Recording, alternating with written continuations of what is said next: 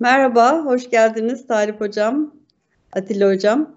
Ee, bir Düşüne Düşüne programında daha birlikteyiz. Ee, bu hafta e, biraz iç siyasetten başlayalım e, istiyorum.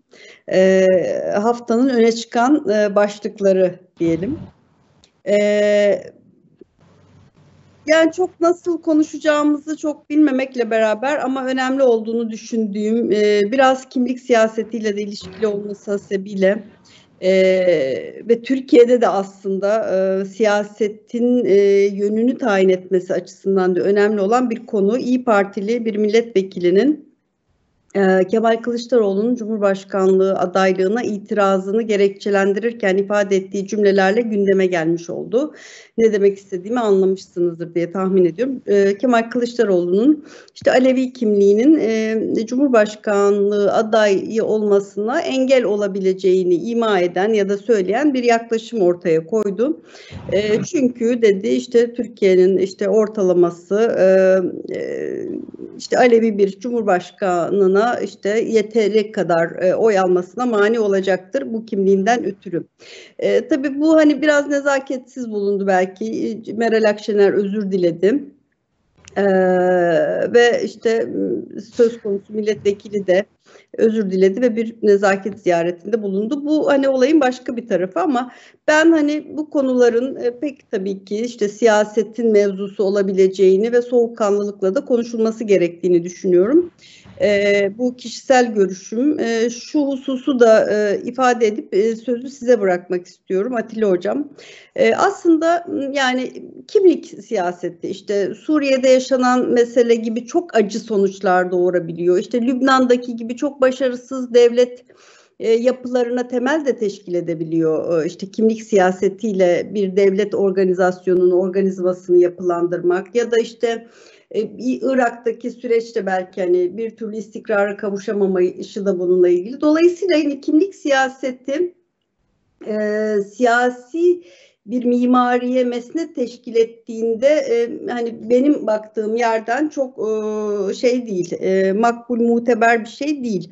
E, ama hani siyasette de bir girdisi var bunun kuşkusuz. Hani Türkiye özelinde ben hani şöyle bir süreç e, görüyorum. E, ya Alevi kimliği elbette ki e, siyasallaşmış bir kimlik. Yani bunu tespit etmek gerekiyor. Bunu açık yüreklilikle yani dini bir kimlik olmanın ötesinde bir kimlik e, Türkiye özelinde Alevi kimliği.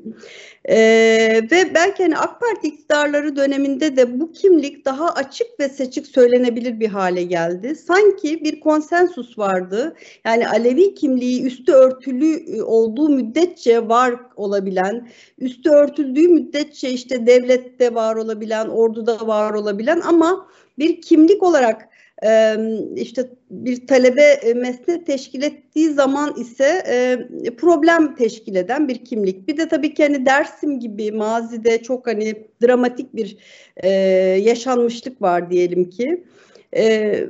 Osmanlı'ya giden derin bir tarafı da var işte Alevi kimliğinin oluşmasında. Ya bugün ne baktığımızda hani son bu olay üzerinden değerlendirelim isterseniz. E, Kemal Kılıçdaroğlu'na ilişkin İyi Partili milletvekilinin söylediği sözler siyasette nasıl bir e, şey yol e, ayna tutuyor, ışık tutuyor? Siya, Türkiye siyasetinde nereye, neye ayna tutuyor?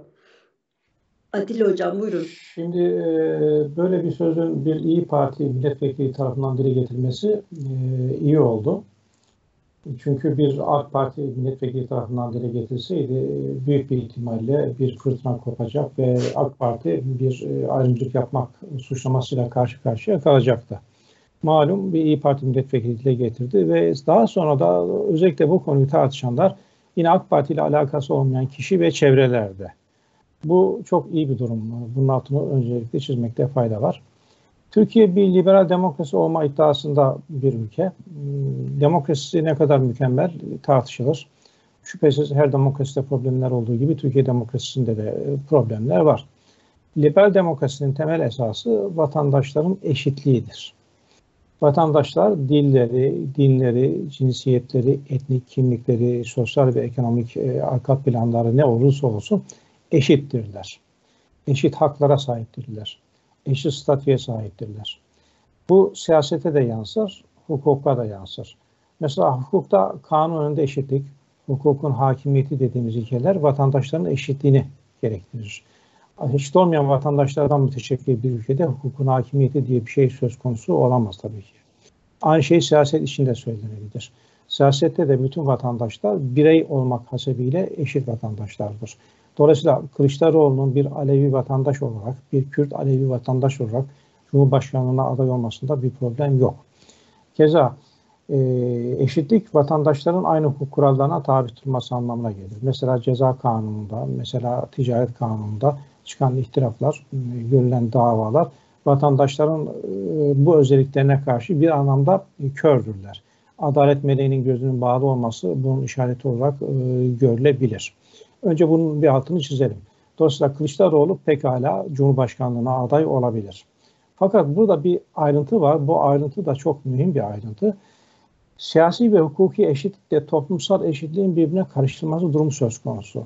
Siyasi ve hukuki eşitlik daha ziyade bizim siyasi yönetimden, devletten talep edeceğimiz, devlete karşı iddia edebileceğimiz bir eşitliktir. Ee, mesela hukuk maddelerinde ayrımcılık yapan unsurlar varsa bunların giderilmesi talep edilmelidir.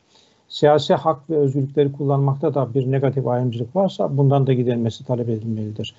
Bu talepler meşru makul taleplerdir. Fakat toplumsal eşitlik talebi aynı çizgide görülemez. Toplumsal eşitlik talebi toplumsal algılamalara bağlı bir şeydir ve toplumsal algılamaların da devlet yönetimiyle siyasilerin aldığı kararlarla hukukun bakış açısıyla bir alakası ya yoktur ya da fazla yoktur. Toplumsal eşitlik herkesin herkesi aynı görmesi gibi bir anlam taşır. Ama toplumda herkesin herkesi aynı görmesi gibi bir durum söz konusu değildir. Mesela e, Türkiye'de bir e, çoğunluk kimliği teşkil eden Sünniler de ayrımcılığa maruz kalmıyor mu? Tabii ki kalıyor. Hatırlayınız bir zamanlar Zülfü Livaneli Deniz Baykal'la ilgili olarak tepik bir Sünni demişti. Bu söyleyiş tabii ki bir küçümseme ifade eden bir söyleyiştir. Dolayısıyla kimse bunun üzerinde e, durmadı, es geçti. E, belki burada Alevilerin azınlık olmasının Aleviler için bu sorunun zaten yakıcı hale geldiği iddia edilebilir. Ama çifte standarda e, dikkat etmekte fayda var. Şimdi siyasi eşitlik ve hukuki eşitlik her zaman liberal demokraside talep edilmesi gereken bir şeydir. Ama toplumsal eşitlik için aynı şeyi söyleyemeyiz. Kılıçdaroğlu'na Alevi olduğu için oy veren insanlar var mıdır diye sorarsanız mutlaka vardır. Ve ondan insanlar bu davranışlarında Kılıçdaroğlu'nun Alevi kimliğini öne çıkartabilirler. Peki Kılıçdaroğlu'na Alevi olmadığı için oy vermeyecek davranış vatandaşlar var mıdır diye sorarsanız büyük bir ihtimalle yine de vardır. Bununla ilgili kamuoyu araştırmaları yapılmadığı için tabii ki çok fazla bilgi sahibi e, değiliz. O yüzden burada siyasi ve hukuki eşitliğin altını çizmekte ama bunu toplumsal eşitlik karıştırmamakta, toplumsal eşitliğin başka mecralarda akan bir süreçle alakalı olduğunu hatırda tutmakta fayda var. Belki zor bir konu ama e, benzer bir e, anlatım LGBT için de yapılabilir. LGBT'li bireyler de siyasi ve hukuki olarak eşit bireylerdir. Yani mesela bir LGBT'li birey bir ticari şirket kurmak istediğinde bir heteroseksüel bireyin karşılaştığı muameleden farklı bir muameleyle karşılaşmamalıdır. Bir cinayet davasında taraflardan birisi eğer LGBT'li ise e, herkese uygulanan kural ona da uygulanmalıdır. Ama toplumsal eşitlik toplumsal algılarla alakalı bir şeydir ve toplumsal çoğunluklarda istesek de istemesek de bir e, farklı bakış söz konusu olabilir. Başka bir örnek vereyim. Mesela bir doktorla bir işçinin sosyal statüsünü karşılaştıralım. Doktor da işçi de insandır. Hukuki ve siyasi bakımdan eşittir. Hukuk önünde eşit vatandaşlardır. Siyaseten de eşit vatandaşlardır. Siyaseten eşit olmaları her ikisinde seçme ve seçilme hakkına sahip olması ve her ikisinde temel insan haklarına sahip olmasına görülebilir. Ama toplumsal statü baktığımız açısından baktığımızda bir doktor bir işçiye nazaran büyük bir ihtimalle daha itibarlı bir sosyal statüye sahiptir. Bu niye böyledir? Bunun sorumlusu kimdir? Bu böyle olduğu için böyledir ve bunun da bir sorumlusu ne yazık ki yoktur. Sorumlusu anonim süreçlerin ortaya çıkarttığı bir algılamadır. Dolayısıyla meseleye baştan bakmakta ve tekrar edersek Kılıçdaroğlu'nun aday olmasında bir mahsur olmadığını, aday olabileceğini, bir negatif ayrımcılığa tabi tutmasının yanlış olacağını altını çizmekte fayda var. Ama vatandaştan oy verme davranışları nasıl tecelli eder? Tabii ki onu önceden bilmemiz ve ona ilişkin bir toplumsal eşitlik talebi geliştirmemiz pek anlamlı değil, doğru da değil bana göre.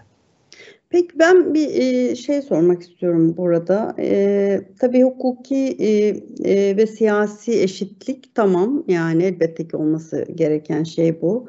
Hatta yanlış hatırlamıyorsam belki ismi tam böyle hani Alevi olmasa da Alevi kimliğini önceleyen bir e, siyasi parti de var oldu Türk siyasetinde. Evet. Ee, ama hani müstakilen e, belki hani çoğunluk oluşturup e, iktidarı alacak e, ev safta olamayacağı için yine başka sosyal demokrat e, partilerle e, birleşti. Şimdi toplumsal eşitlik e, sağlanamayabilir.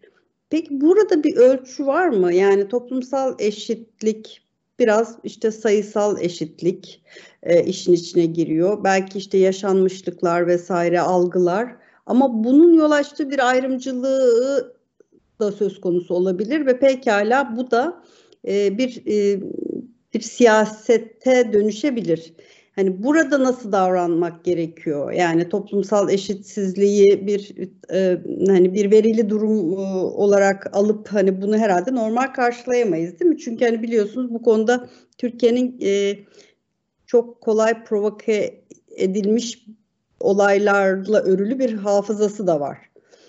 Evet, yani toplumsal eşitlik talebinin siyasete ve hukuka taşınması nasıl mümkün olabilir e, şeklinde anladım sorunuzu. E, bu çok zor bir e, konu. Toplumsal eşitlik talebi insanların ayrımcılığa uğramasına sebep olabilir ama bu ayrımcılığın ille de negatif bir ayrımcılık olması gerekmez. Bazen toplumsal eşitlik bakımından dezavantajlı durumda görünen kimseler ayrıcalıklı, pozitif ayrıcalıklı bir statüye de gelebilirler. Ya da böyle bir statü de talep edebilirler. O yüzden mümkün olduğu kadar bu alanlara devletin müdahale etmemesi lazım. Ama devletin e, toplumsal eşitsizliğin hukuki ve siyasi alana yansımasına, bireylere hukuken ve siyaseten eşitsiz muamele etmeye dönüşmesini önlemesi gerekir. Bu da zaten nispeten tespit edilmesi daha kolay olan, önlenmesi daha kolay olan bir durumdur. Şüphesiz toplumların bir tarihi var. Her insan içine ne doğduğu bir kültür var. Her insanın içine doğduğu bir din var. Toplumsal aidiyetlerimiz var. Bunları biz şekillendirmiyoruz. Biz şekillendiremediğimiz gibi hiç kimse de şekillendiremez. Dolayısıyla bunun bir avantaja veya dezavantaja dönüşmesini hukuki ve siyasi olarak engellemek görevimiz. Ama toplumsal hayatta ne olur? E, bu bulunduğunuz şehre, yaptığınız işe vesaire de bağlıdır. E, bana göre Kılıçdaroğlu aslında e, CHP içinde Alevileri e, nasıl tutuyor? CHP mesela bazıdan iddia ettiği gibi bir Alevi partisine dönüşmüş müdür? Yoksa CHP e, Kılıçdaroğlu'nun Alevi kimliğini geri plana atması aslında akıllıca bir taktik midir? E, gibi şeylerin de belki tartışılması gerekir. Ee, Tayyip Hocam şimdi bu mesele bugün aslında bu şekilde gündeme geldi ama mesela Suriye özelinde de konuşuldu bir şekilde biliyorsunuz. Yani işte Esad rejimini desteklemesi Cumhuriyet Halk Partisi'nin bir kimlik siyasetinin tezahürü olarak değerlendirildi çoklukla. Ee, siyasi çıktılara baktığınızda da böyle bir şey de var, böyle bir tarafı da var hakikaten. Siz nasıl değerlendiriyorsunuz? Ya bu tartışmayı e, birkaç boyuttan ele almak mümkün. Bir tanesi sosyolojik boyut. Yani sosyolojik olarak baktığımızda Türkiye çok farklı etnik yapıların, mezhepsel yapıların, inanç gruplarının olduğu bir ülke. Osmanlı'dan tevarüs ettiğimiz coğrafyaya baktığımız zaman bunu açık ve net bir şekilde görebiliyoruz. Yani Türkiye'de Aleviler de, Sünniler de, Türkler de, Kürtler de, başka gruplarda e, kadim e, geleneklerden gelen kadim gruplar. Bunu ifade etmekte yarar var. Bu yeni bir şey değil. Ama tabii bunların siyasallaşması, bunların toplumda bir takım hayatlarına dönüşmesi e, nispeten yeni sayılabilir. Yani Cumhuriyet'in başlangıcından itibaren Türkiye'deki vatandaş inşasına baktığımızda, ulus, ulus ya da millet inşasına baktığımızda aslında tercihlerin ne yönde evrildiğini e, aşağı yukarı hepimiz biliyoruz. Mesela bu dönemlere bakıldığında e, yani bütün işte akademik çalışmalarda da bunu görebiliriz. Yani Türkiye'de işte modern Türkiye Cumhuriyeti seküler, laik bir cumhuriyet olarak kurulduğunda evet İslam bir e, kültürel varlığını devam ettirdi. Önce ilk anayasada biliyorsunuz İslam devletin dini idi. İkinci anayasada değişikliğinde bu kaldırıldı. Hiçbir şey söylenmedi. Üçüncüsünde de devlet işte laik olarak tanımlandı. Bu geçişlere baktığımızda aslında e, Türkiye'de Diyanet İşleri Başkanlığı'nın kurulması ve devamı. Orada e, belirli kimliklerin e, bu inşa sürecinde yer almadığını ya da yer verilmediğini görüyoruz bunlara. İşte e, kağıt üzerinde belki vardı ama işte Kürtler kendilerini zaman içerisinde dışlanmış olarak hissettiler. Aleviler aynı şekilde hatta tek parti dönemindeki baskılardan dolayı Sünni Müslümanlar kendilerini dışlanmış olarak hissettiler. Ben bu travmaların, bu bahsettiğimiz ayrışmaların insanların kolektif e, kimliğinde, zihinlerinde, hafızalarında bugünlere kadar geldiğini düşünenlerdenim. Çok partili döneme geçmek ve daha sonra tabii Türkiye'de din ve vicdan hürriyetinin önündeki işte bir takım engellerin e, kaldırılmasıyla beraber daha rahat bir şekilde bu kimlikler kendilerini ifade etmeye başladılar. Ama daha sonra sizin de açılışta ifade ettiğiniz bir kimlik politikası e, çerçevesi ortaya çıktı. Şimdi tabii kimlik politikası ayrıştırıcı bir politika. Kapsayıcı, e, farklı kimlikleri içinde barındırıcı bir anlayış, bir bakış açısı değil. Bu açıdan bakıldığında şunu görüyoruz. E, tabii özellikle e, Türkiye'deki Alevi gruplara bakıldığında, Türkiye'de Kürt gruplara bakıldığında zaman zaman kendilerini azınlık olarak da ifade ediyor bunlar. E, ana akım e, siyaset içerisinde, ana akım e, işte bürokrasi içerisinde kendilerine yer bulamadıklarını ifade ediyorlar ve söylüyorlar. İşte bahsettiğimiz tabii Kemalist, milliyetçi, e, laikçi yaklaşımda e, bunu besledi. Cumhuriyet Halk Partisi açısından bakıldığında da çok ilginç bir tabii burada e, sosyolojik bir e, gözlem söz konusu. Mesela e, tekkeleri, zaviyeleri kapatan, işte Alevi Bektaşi e, kurumlarını e, yasaklayan aslında Cumhuriyet Halk Partisi'nin zihniyeti. Bugün e, tabii Alevi e, topluluğun Türkiye'de büyük bir oran, oranda e, kendisini CHP'de bulması ya da sol siyasette bulması da ilginç bir aslında çelişkiyi içinde barındırıyor. Yani bir taraftan işte Alevi kimliğini baskılayan, e, kurumlarını ortadan kaldıran e, ve ona meşru bir kamusal zemin hazırlamayan e, bir siyasi görüş var, siyasi ideoloji var. Şu anda e, bu siyasi e, partinin başında da bir e, işte Alevi kimliği zaman zaman e, ön plana çıkarılan başkaları tarafından, kendisi tarafından olmamakla beraber biri var.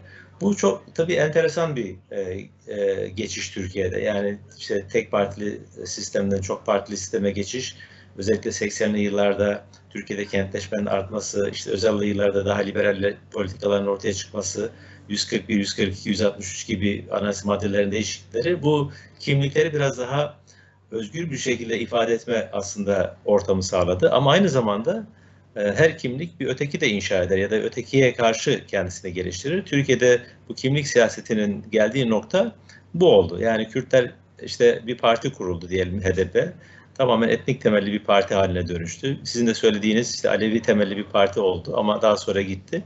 Bu bize şunu da gösteriyor aslında. Yani Türkiye'de siyaseti e, e, etnik temel üzerinden ya da mezhepsel ayetler üzerinden tasarlamak e, mümkün görünmüyor. Yani Türkiye Partisi olabilmek, Türk toplumunun bütün kesimlerine sadece bir mezhepten, e, bir etnik e, yapıdan ya da bir ideolojik angajmandan e, ulaşmak mümkün görünmüyor. Burada tabii İyi Parti'den böyle bir açıklamanın gelmesi e, çok ilginç. Onu ifade etmekte yarar var. Yani Türkiye'de seçmen davranışlarına bakıldığında bunların ne kadar mezhepsel motivasyonlarla yapıldığı, ne kadar ideolojik motivasyonlarla ya da dini motivasyonlarla yapıldığı e, Atilla Hoca'nın da söylediği gibi pek belirgin değil. Ben çok önem bunların e, çok e, belirleyici olmadığını düşünenlerdenim. Yani Türkiye'de mezhepsel aidiyet, HDP parantez içerisine alıyorum. Biraz daha farklı çünkü e, özellikle Kürt kimliği açısından bakıldığında. Ama diğer açılardan bakıldığında e, e, CHP'ye oy verenlerin büyük bir çoğunluğunun e, işte Alevi olduğunu söylemeknin hiçbir e, sosyolojik temel olmadığı kanaatine taşıyorum ben.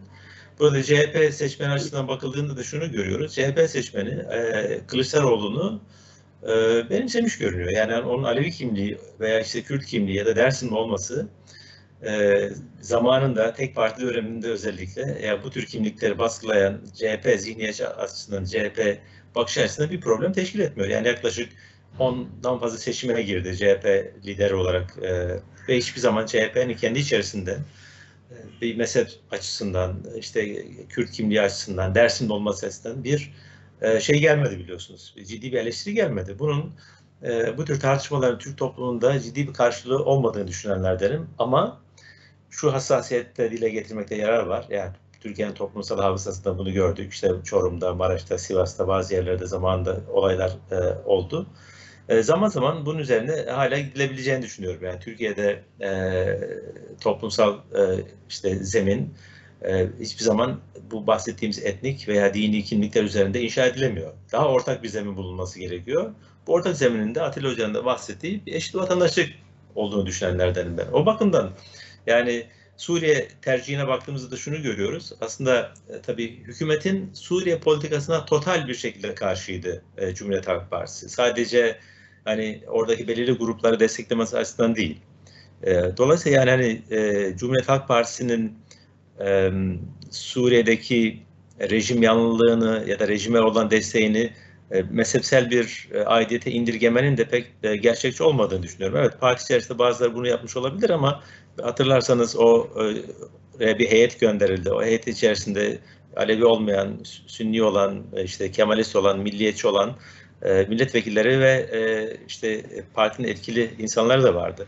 O nedenle bu e, Suriye'de Esed yanlılığını sadece mezhepsel bir yakınlığa bağlamanın da ötesinde ciddi bir hükümet karşıtlığını, hükümetin Suriye politikası karşıtlığına bağlamanın doğru olduğunu düşünüyorum. Elbette şu var, şimdi Cumhuriyet Halk Partisi'nin belki oy deposu olarak görülebilecek Türkiye'nin güneydoğusundaki bazı iller, Hatay, Hatay'ın bazı ilçeleri olabilir. Orada bir mezhepsel yakınlık söz konusu zaten.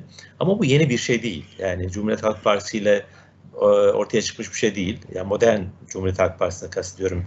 E, Kılıçdaroğlu'nun başına geldiği dönemden itibaren geçmişte de vardı bu. Yani o dönemlerde de Cumhuriyet Halk Partisi'nin yoğun oy aldığı Hatay gibi, İskenderun gibi bölgelerde vatandaşlarımızın bir kısmı işte Nusayri kimlikli. Dolayısıyla öyle bir e, bağlantı var. Ama mesela diyelim ki Türkiye'nin başka yerindeki Alevilikle Nusayri ile baktığımızda ne kadar ortak yön var, ne kadar bağlantı var, tarihsel olarak ne kadar geçişkenlik var. Bu da ciddi bir soru işareti. Yani ben öyle çok ciddi bir geçişkenlik olduğunu düşünenlerden değilim. Ama burada tabii e, şimdi nasıl ki Cumhurbaşkanlığı karşıtlığı pek çok işi bir araya getiriyor. Ona benzer bir durum söz konusuydu. Yani e, e, iktidarın Suriye politikasına karşı olması, işte e, e, rejime karşı mücadele eden grupların daha çok kendilerini sünni olarak tanımlamaları ister istemez bazı yorumcuları Alevi kimliğin ön plana çıkmasına neden oldu ama e, sadece Alevi kimliği üzerinden Türkiye'nin e, Cumhuriyet Halk Partisi'nin Suriye politikasını e, yorumlamanın pek doğru olmadığı kanaatindeyim. Ama son olarak şunu söylemek isterim. E, gerek Suriye'de gerekse işte çevremizde bu mezhepsel yapı Orta Doğu'nun bir gerçeği. Yani Lübnan'a baktığımızda da bunu görüyoruz. Bu meşhur Sykes-Picot anlaşmasına bakıldığı zaman bu coğrafyanın mezhepsel ve etnik olarak ciddi bir şekilde harita üzerinde bölündüğünü, parçalandığını, bunların birbirlerine karşı karşıya getirildiğini, azınlıkların çoğunluğu yönettiğini görüyoruz. Irak'ta nasıl Şii, Sünniler, Şiileri uzun yıllar yönettiyse Suriye'de de tam tersi oldu. Nusayriler e, işte %10-12 olmasına rağmen toplumun büyük bir kesimini yönetti. Bu hayatları bu coğrafyada hala varlığını sürdürüyor ama Türkiye e, bunu büyük oranda e, çözdü diye düşünüyorum. Çünkü Türkiye'deki gerek işte yani demokrasimizin geldiği nokta işte anayasal vatandaşlık, eşit vatandaşlık, e, işte zaman zaman tökezlemiş bile olsa e, bu yapılara baktığımızda, bu gelişmelere baktığımızda Türkiye kimlik siyasetini büyük oranda geri bıraktı. Geride bıraktı. Şimdi HDP şu anda ciddi bir şekilde kimlik siyaseti yapıyor ama o da yüzde onlara da demir attı. Yani bunun ne kadar sürdürülebilir olacağı, ne kadar büyüyebileceği ya da işte varlığını sürdürebileceği de büyük bir soru işareti. Dolayısıyla Türkiye'de siyaseti e, böyle mezhepler ve kimlikler üzerinden analiz etmenin e, büyük resmi yakalayamayacağını düşünüyorum. Ama elbette yani nasıl ki bir takım e, ideolojiler oy verme davranışında etkiliyse insanların inançları, insanların işte etnik ve işte mezhepsel aidiyetleri de onların oy verme davranışlarını etkileyebilir. Ama bunun Türk siyasetinin genelinin e, şekillendirilmesinde e, önemli bir rol ol, e, ol, olmadığını düşünüyorum. E, peki hocam İyi Parti e, milletvekilinin bu çıkışı çok böyle hani e, boş bulunarak yapılmış bir çıkış mıydı? Şimdi başka bazı parçalarla da birleştirince birleştirince açıkçası bir taraftan da e, bende şöyle bir intiba uyanıyor. İyi Parti e, bir altılı masada bir işte CHP ile müttefik pozisyonda olmakla beraber bir taraftan da CHP ile kendisini ayrıştırma ihtiyacı hissediyor. E, şimdi İstanbul Büyükşehir Belediyesi üzerinden belki hani onu da e, konuşuruz e, devamında.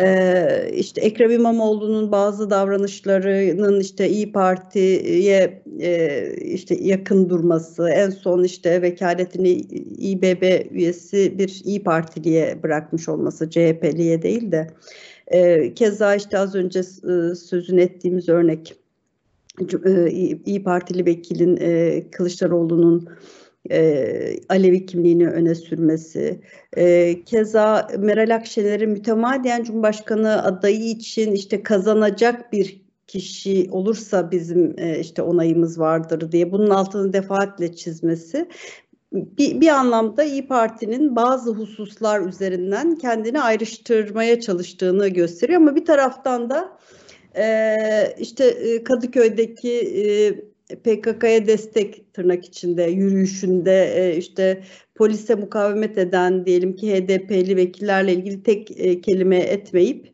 e, daha yuvarlak bir cümleyle davranması olgusu var.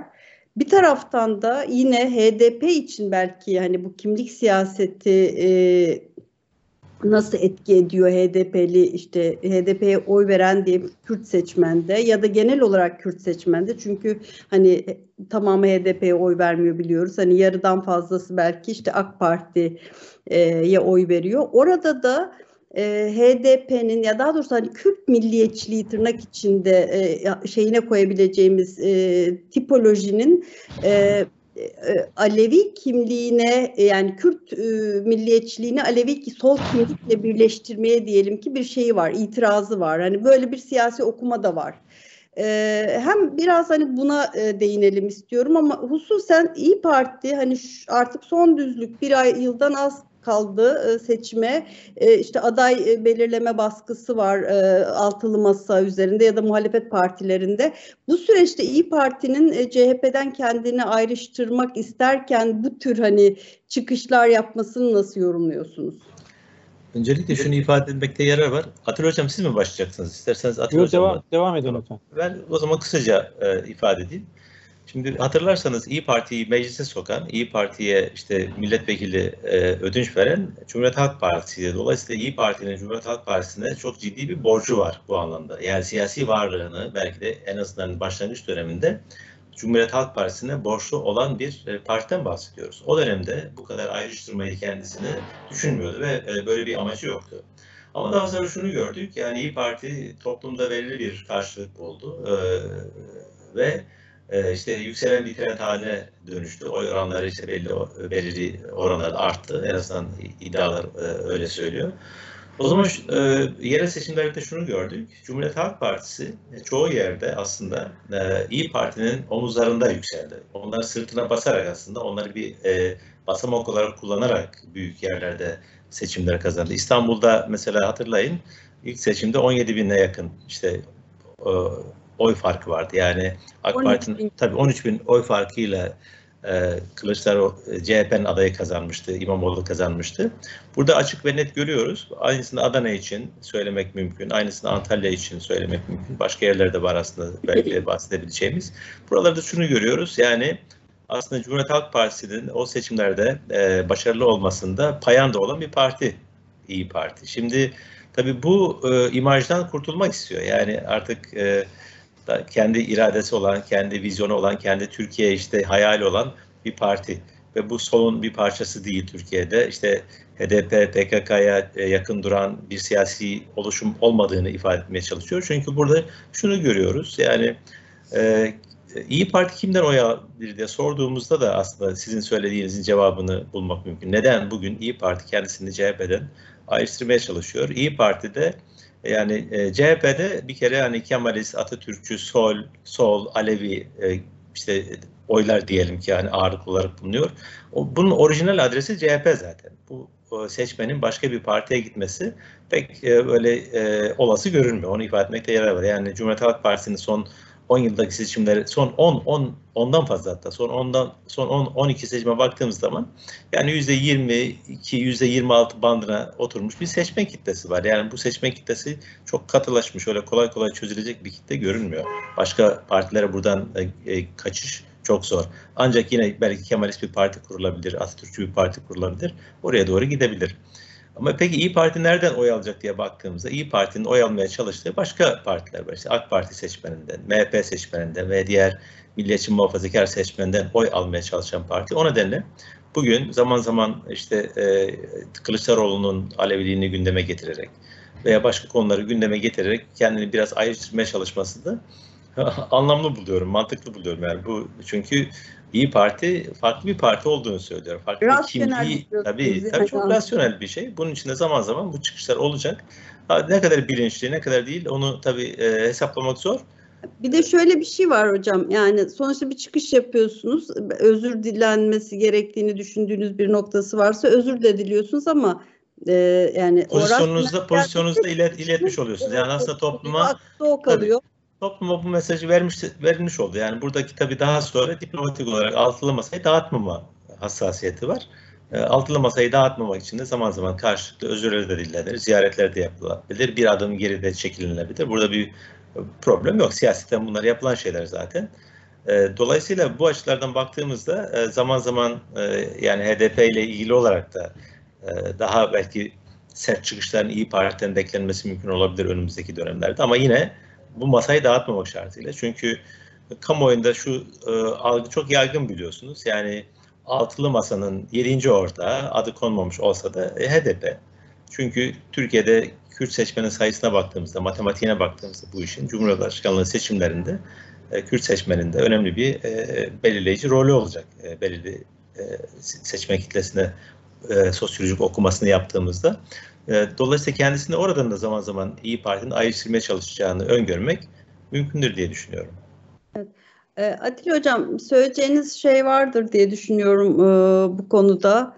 Ben evet. şöyle bir minik bir açılım yapayım. Bilmiyorum belki hani buna da cevap vermek istersiniz ya da sizde başka bir şey çağrıştırır alışık alışık olmadığımız şeyler oluyor aslında hani Türk siyasetinde o hani temel e, işte fay hatları, temel bölünmeler, işte sağ sol vesaire bu temel ayrışmaları biraz şey yapan, e, farklılaştıran yeni böyle yataklar, siyasi yataklar mı oluşuyor acaba dedirten bir şey bir tarafıyla da hani mevcut e, durum. İşte e, bir taraftan İyi Parti kendini CHP'den ayrıştırmaya mı çalışıyor diyoruz ama bir taraftan da yani şöyle bir şeyi kulaklarımızda duyduk hani bir HDP milletvekili İyi Partililere benim bizim sayemizde bu koltuklarda oturuyorsunuz diye bağırdı millet meclisinde. E, ve buna İyi Parti'nin bir cevabı olmadı. Ee, ya da işte e, e, PKK e, ya destek Öcalan'a destek yürüyüşü yapılıyor. Hani İyi Parti yan çizen hani böyle e, görmedim duymadım gibi bir tavır da sergileyebiliyor. Hani oradaki vekillerle ilgili. Yani bir taraftan hani bu ittifakı e, mecbur hissediyor kendini. Bir taraftan da ayrıştırmak istiyor. Bu bir bir imkansızlık üzerinde hani sörf yapmak mı ya da yeni yollar mı e, açıyor e, Türk siyasetinde? Yeni kanallar mı açıyor? Nasıl değerlendiriyorsunuz? Siyaset çok ilginç bir oyun. Ee, sadece Türkiye'de değil, bütün dünyada siyaset çok ilginçtir. Mesela Amerikan siyasetinin 100 yıllık, 200 yıllık geçmişini okusanız e, akıllarınıza durgunluk verecek, sizi hayretler içerisinde bırakacak hamlelerle karşılaşırsınız. O yüzden e, siyasette en olmadık hamleler beklenebilir.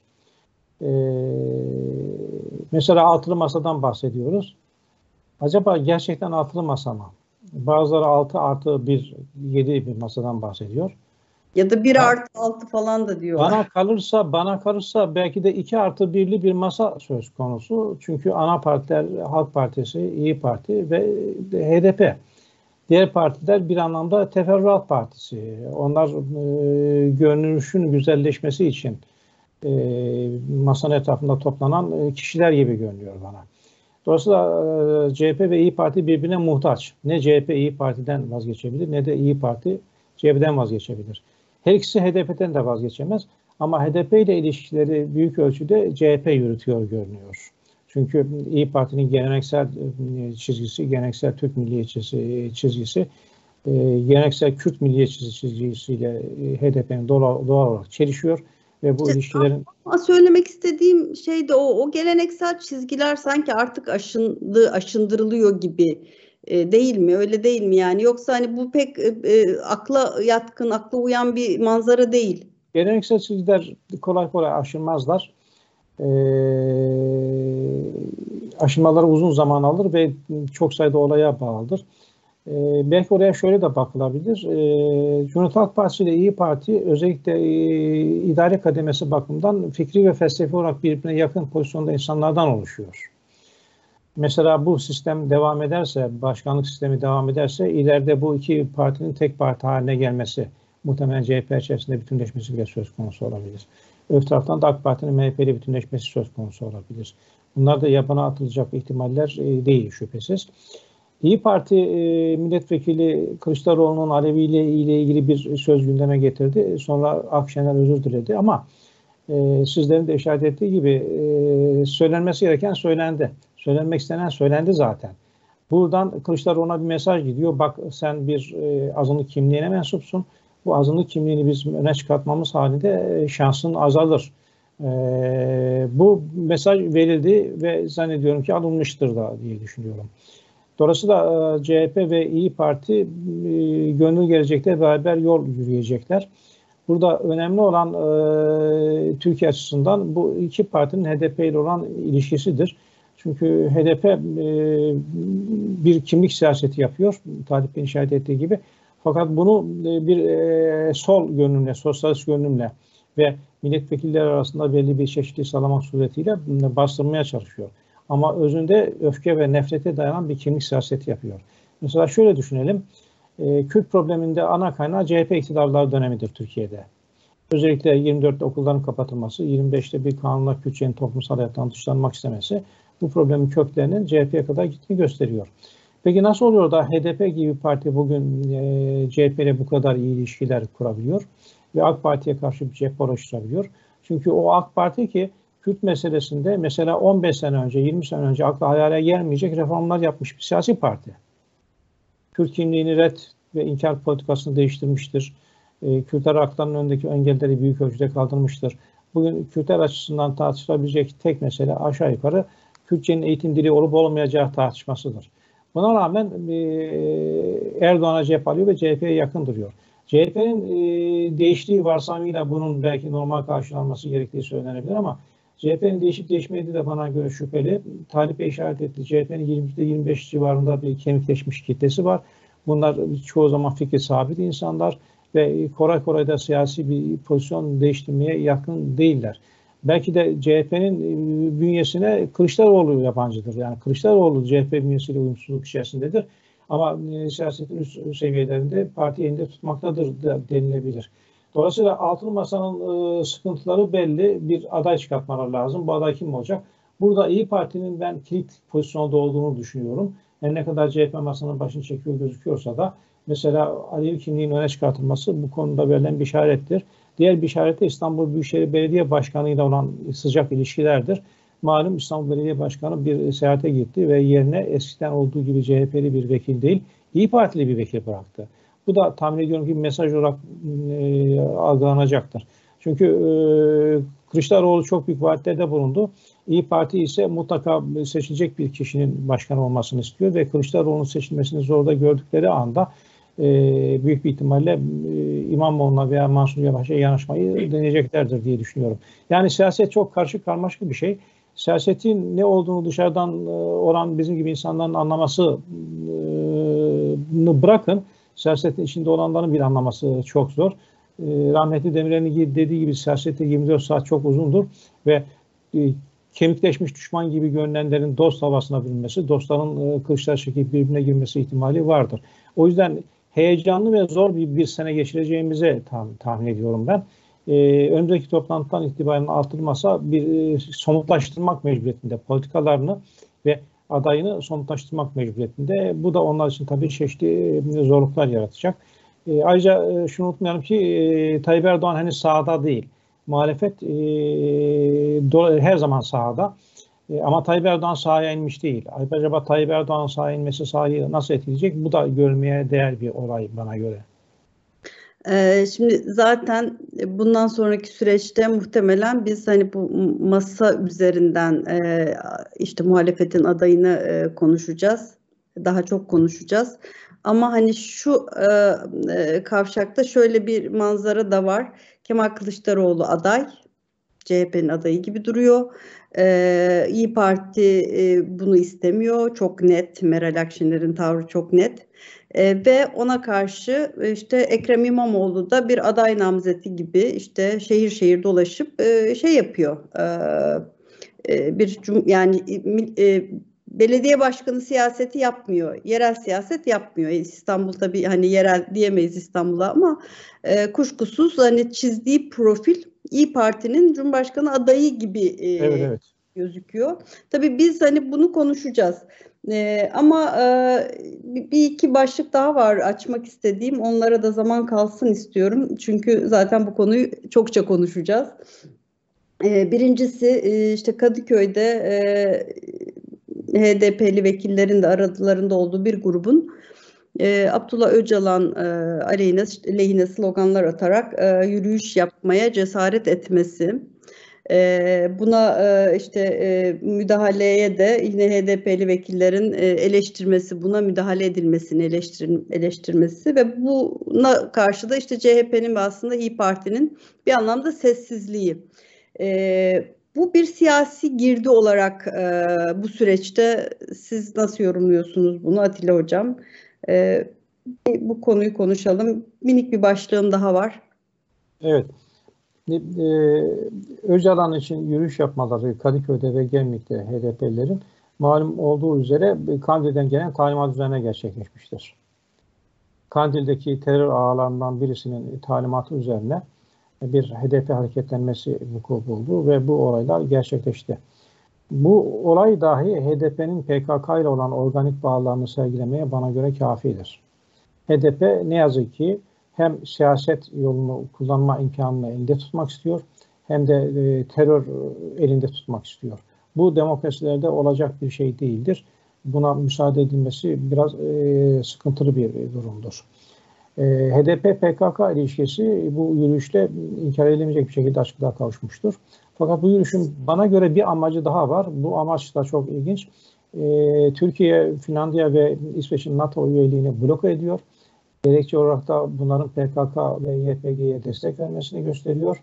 E, aleni bir şekilde Öcalan lehine bir yürüyüş yapmak suretiyle Türkiye'de zannediyorum ki İsveç'e ve Finlandiya'ya şunu deme imkanı hazırlanmak isteniyor. Bakın Türkiye'de de bunlar oluyor. Evet. Türkiye'de de Öcalan için yürüyüş yapıyor. Dolayısıyla bu problem sadece bizim problemimiz değil, sizin de bir probleminizdir. E, şeklinde bir mesaj verme imkanı hazırlanıyor, hazırlanmak isteniyor diye düşünüyorum. E, önümüzdeki dönemde, kısa dönemde, bir iki ay içerisinde bana benzer teşebbüsler görme ihtimalimiz var bana göre. E, ve Türkiye nasıl bir tedbir alacak, e, bu olaylar nasıl bastırılacak, bu da çok zor bir konu. Ama e, HDP davası Anayasa Mahkemesi önündeyken HDP'lerin böyle bir yürüyüş yapması aslında e, kapatma davası için aleyhlerine bir delil sunmalar anlamına geliyor şeklinde de okunabilir bana göre. Bir, bir de şöyle bir şey aklıma geldi benim Talip Hocam bilmiyorum ne dersiniz? Ya tıpkı İyi Partili milletvekilinin CHP'nin Alevi kimliğini hatırlatması gibi e, yani altılı masadaki aktörlerin tamamı kendi öz gül durumlarının daha fazla hesaba katılmasını talep ediyorlardır diye tahmin ediyorum. Hani büyük ortak işte CHP tarafından. Yani masayı yıkma şeyimiz var, potansiyelimiz var her birimizin ve bunu bir şekilde bizim anlayacağımız ya da anlamayacağımız lisanda söyleme şekli de olabilir HDP'nin bu çıkışı. Ee, yani İstanbul'da işte e, Kadıköy'de e, siz şey yapıyorsunuz ve kamuoyunda bu nasıl algılanacak? Bu şu demek de mi aynı zamanda? Yani biz bu ve benzeri e, şeylerimizi, eylemlerimizi çoğaltırız ve masayı enfekte ederiz. ayağınızı denk alın demek de olabilir. Yani bir tür aslında HDP üzerinden Kandil altılı masa da altılı masada bir kandil vesayeti var da diyebilir miyiz? Ee, bunu Atilla Hocam evet. tabii. Atilla Hocam e, bunun işte dışarıya bir mesaj olabileceğini yani dışarıdakilerin bunu Hı. kullanabileceğini söyledi. Bakın benzer işte hadiseler Türkiye'de oluyor diye. Evet ben de buna ilaveten sizin söylediğinizi zaten e, yapmak istiyordum hocamın e, yorumuna. burada şunu görüyoruz. E, HDP e, ve PKK ya da işte e, bu terör örgütü sizin söylediğiniz gibi bu tür e, eylemler yaparak aslında altılı masayı e, pozisyon almaya zorluyor. Yani ya bizdensiniz ya değilsiniz. Evet. Tabii sizin de ifade ettiğiniz gibi ikircikli buradan ifadeler geliyor ya da bazı siyasi partiler altılı masada yer almakla beraber sanki burada hiç olay olmamış gibi biliyorsunuz ses çıkarmadılar, bir tepkide bulunmadılar. Ve tabii bu tepkide bulunmamak aslında e, az önce sizin söylediğiniz e, e PKK'nın Kandil'in vesayetine e, karşı çıkmamakla alakalı bir şey. E, bu e, HDP'nin bu e, e, koalisyonda ya da bu ittifakta elinin gittikçe güçlendiğini ya da işte güçlenme eğiliminde olduğunu gösteren bir e, vaka. Bence buna benzer olaylar Atilla Hocam'ın da söylediği gibi zaman zaman olacak. E, ve biz altılı masanın çeşitli aktörlerinin buna nasıl tepki verdiğini e, ölçmeye ve görmeye çalışacağız. Sadece onlar değil mesela Mansur Yavaş ne dedi, işte İmamoğlu ne dedi, diğer yani potansiyel adayların da bu tür olaylara karşı tepkilerin ne olduğunu görmek gerekiyor. Çünkü sadece mesela altılı masa değil, potansiyel adayların e, e, verilebilecek destek ya da onlara verilmeyecek destek buralarda da bir mesaj olduğu kanaatindeyim. Yani şu anda e, bu Türkiye'deki e, işte PKK'nın Kandil'in emriyle yerine getirilen bu gösteri gerçekten de aslında bir turnusol kağıdı görevi de görüyor bize. Yani muhalefet, altılı masa ve altılı masa dışında da olabilir bazıları. Yani özellikle Türkiye'nin karşılaştığı çok ciddi sorunlar bunlar. Ne diyor bu konuda? Yani açık ve net bir şekilde milletin e, oylarıyla seçilmiş, milletin, devletin maaşını alan e, orada e, milletvekilleri gidiyorlar ve PKK liderinin Öcalan lehine işte sloganlar atıyorlar, bayraklarını taşıyorlar, flamalarını taşıyorlar ki bunların e, modern e, demokrasilerde mümkün olmayacağını daha önce konuşmuştuk. Yani terör örgütünün filamaları, liderleri bunların propagandalarının yapılmalarının hiçbir yerde mümkün olmadığını söylemiştik. E, dolayısıyla bu Türkiye için önümüzdeki e, aylarda görebileceğimiz e, meseleler ama bu aslında biraz altılı masayı test etmeye yönelik, onların pozisyonlarını daha da netleştirmelerini istedikleri bir şey. Dolayısıyla altılı masa böyle bir şeyle karşı karşıya şu anda, imtihanla karşı karşıya. Ve çok büyük imtihan. Yani aslında bir terör örgütünün uzantılarının gösterisi var ve siz buna sesinizi çıkaramıyorsunuz. E, buna herhalde e, Türkiye'de toplum da yakından takip ediyordur bu gelişmeleri. Evet. Abi evet. ekte bulunabilir miyim? E, biliyorsunuz TÜSİAD heyeti de Ankara'ya gitti ve HDP'yi ziyaret etti. HDP eş başkanı Mithat Sancar'la oturdular ve konuştular. Bu da çok Ben duyamadım hocam. TÜSİAD, TÜSİAD. Ha TÜSİAD evet. Bu da bu da çok çok ilginç bir gelişme yani. Bunun üzerinde de durmakta, düşünmekte fayda var. Çünkü TÜSİAD'ın HDP'yi ziyaret etmesi e, kapatma davası açılmış olmasına rağmen bir çeşit destek mesajı gibi dokunabilir. Ayrıca evet. TÜSİAD'ın HDP'yi meşru... da sert bir mesajı oldu bu olay üzerine hatırlarsanız. Meşru bir siyasi parti olarak gördüklerinin de bir mesajı olabilir. Evet. İlginç bir durum. Evet. Ee, son e, başlık e, sosyal medya üzerinden e, yapılan hakaretlere açılan davalar e, meselesi. Ee, şimdi muhalefet partilerinin genelde tutumu burada işte hani açılan davaların ya da işte sosyal medya üzerinden yapılan regülasyonların hep özgürlüğü sınırlandırıcı, e, ifade özgürlüğünü sınırlandırıcı şeyler olduğu yönünde. Ee, şimdi şöyle bir şey var. Meral Akşener 15 15 bin kişiye dava açmış. Bir veri bu. Ee, sahih bir veri yani. E, ve bunların tamamı da sosyal medya üzerinden yapılan işte kişisel hakaret e, kapsamına girecek. İşte 125. madde galiba e, üzerinden açılan davalar ve genelde işte uzlaştırmaya giderek çözülen e, para cezasıyla neticelenen davalar. Şimdi bir hani bunu biz konuşuyoruz uzunca bir süredir hani sosyal medyanın hukuku ne olacak? Ee, bu konuda bir takım yol da alındı. Bazı yollar da alındı. Bir beş yıl öncesi gibi değil hakikaten. Ee, ben kendim de bizzat bu hususta çok mağdur olmuş birisi olarak hani hiç dava açmak aklıma bile gelmiyordu. Çünkü hiçbir şekilde bunun neticeleneceğini düşünmüyordum. E, hatta bir dava e, açtım ve e, e, hakimin görüşü şu oldu. İşte kamuoyu önündeki insanlar e, provokatif e, eleştirilere e, açık olmalıdırlar e, provokatif eleştiride değil de işte yargılanacaksınız, yalancısınız ifadesi mesela bunlar şimdi mesela suça konu olabiliyor, tazminat cezasına e, çarptırılabiliyor bu ifadeler ama bir 5 yıl 10 yıl önce yoktu böyle bir şey yani her şey çok serbestti. E, yani şu, buradaki tenakuza dikkat çekmek istiyorum ben. Yani hem e, bu konunun söylemini üretip hani e, işte ifade özgürlüğüne aykırı diyorsunuz ama e, dava açma konusunda da rekor kırıyorsunuz. Yani siyasetçiler içerisinde rekor e, kıran bir isim e, Meral Akşener. E, ne diyorsunuz Atilla Hocam? E, sosyal medya... Bitirelim. Vaktimiz bitti çünkü. Vaktimiz bittiyse sosyal medya üzerine söyleyeceklerimi erteleyeyim.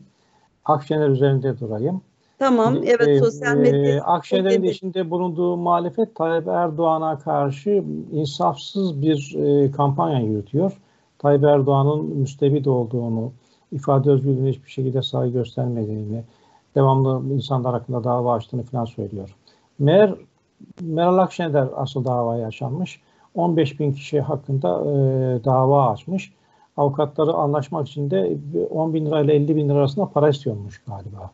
Bu arada evet. genelde usul de şuymuş hocam. E, avukatla yapıyorsunuz anlaşmayı 50-50. Yani işte evet. 10 bin lira...